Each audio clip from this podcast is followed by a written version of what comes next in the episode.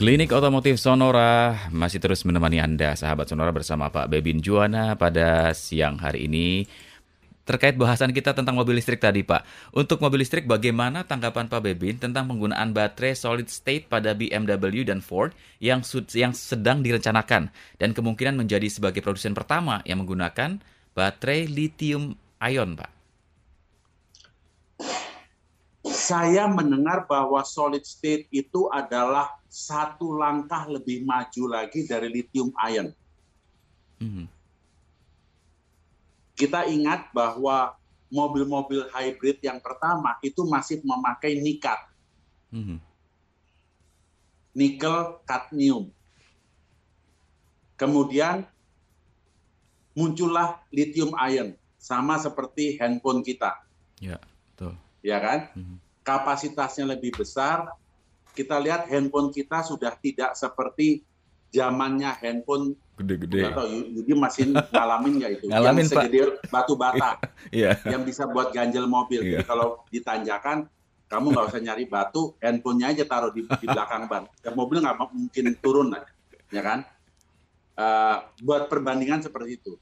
Nah, saya mendapat informasi lebih lanjut lagi bahwa solid state ini jawaban the next chapter. Oh, Oke. Okay. Wah, kerennya saya pakai bahasa ini supaya yeah. kelihatan si Bebin juga rada ilmiah, ya. The next chapter ada solid state. Barangnya lebih ringkes lagi. Hmm. Kemampuan menyimpan strumnya lebih. lebih besar. Kemudian aliran masuknya lebih cepat. Yang saya masih ada ada perdebatan adalah masalah temperatur. Hmm. Tetapi kan seperti juga kita kenal mesin-mesin konvensional kita, temperatur itu kan menjadi apa ya? menjadi tantangan buat industri otomotif melalui kalau di mesin ya itu melalui oli yang lebih bagus, sirkulasi air pendingin lebih bagus dan seterusnya dan seterusnya. Bagaimana melepaskan panas dari ruang pembakaran itu mesin lama. Di baterai kira-kira challenge-nya sama. Bagaimana melepaskan panas yang terjadi di baterai. Karena ini efeknya negatif. Jadi tentunya baterainya jadi ada punya sistem pendingin. Hmm.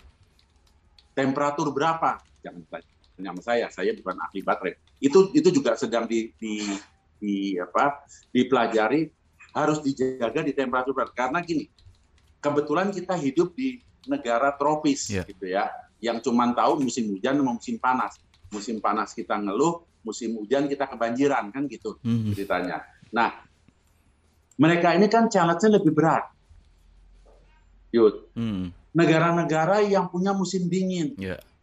apalagi kalau udah bicara musim dinginnya sampai minus mm bagaimana kamu mau ngecharge baterai yang kondisinya minus hmm. degree hmm. Celsius.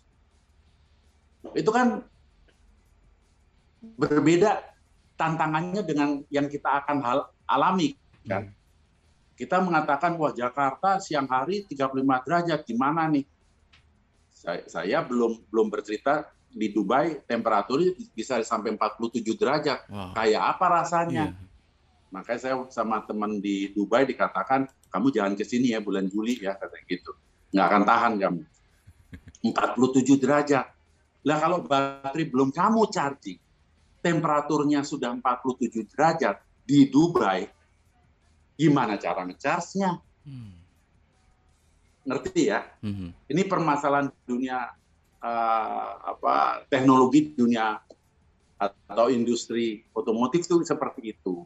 Nah, yang saya uh, menarik bukan hanya baterai solid state, yang saya dengar eh, produsen-produsen Jerman itu uh, antara lain juga Porsche, Rimac, uh, Rimac itu menjangkau macam-macam tuh. Rimac kalau dapat teknologinya Hyundai pun kecipratan tuh.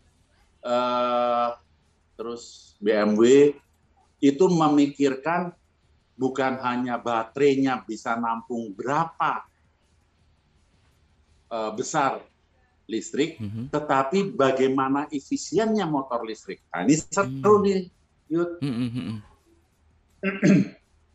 Karena ketika kamu menjalankan mobil listrikmu sepanjang satu kilo, itu listrik yang terbuang menjadi panas itu berapa persen? Ya.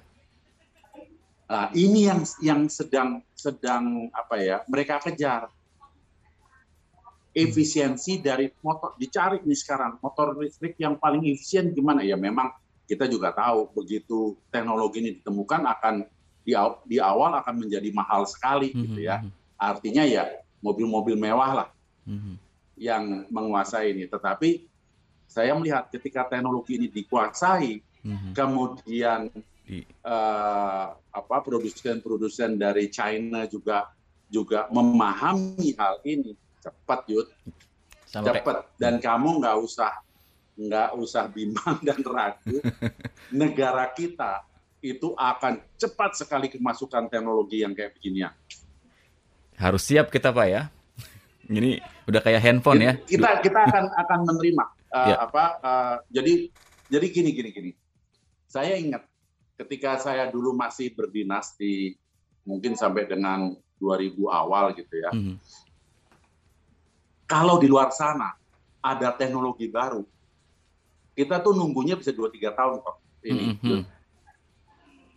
Okay. Dua tiga tahun baru ditularkan maksudnya. Mm -hmm. Sekarang cepet banget. Cepet banget, cepet banget. Sekarang cepet banget. Ionic 5 yang Hyundai lepas di negara kita, yang kamu sekarang sudah bisa lihat mengaspal di Jakarta. Mm -hmm. Eh tadi, eh kemarin saya melihat juga di Bandung kok mm -hmm. ada 5, uh, 5 udah jalan gitu ya. Itu tuh di luar sana juga lagi heboh, Yud. Mm nggak sampai enam bulan barangnya udah sampai sini. Mm-hmm. Di sana heboh, launching, nggak sampai enam bulan udah di sini. Dulu saya cuma ngiler tuh terus nungguin tiga tahun kemudian baru oh ini ya buat Indonesia gitu loh. Mm-hmm. Mm-hmm. Jadi cepat yuk. Oke, hitungnya udah bulanan ya Pak ya, jadi harus bersiap juga nih kita ya. udah bulanan. Apalagi pemerintah juga support gitu ya, welcome gitu. Pasti yes. ini regulasinya dengan pasti regulasi. Hmm, mendukung Pemerintah juga. support dengan regulasi. Baik. Pak Bebin, terima Itu kasih banyak dan sayang waktu kita terbatas. Kita sambung lagi ya. nanti pekan depan. Terima kasih Pak Bebin. Terima kasih juga sahabat-sahabat Sonora semuanya. Sampai kita jumpa. Ketemu lagi minggu depan ya. Ya, sampai jumpa.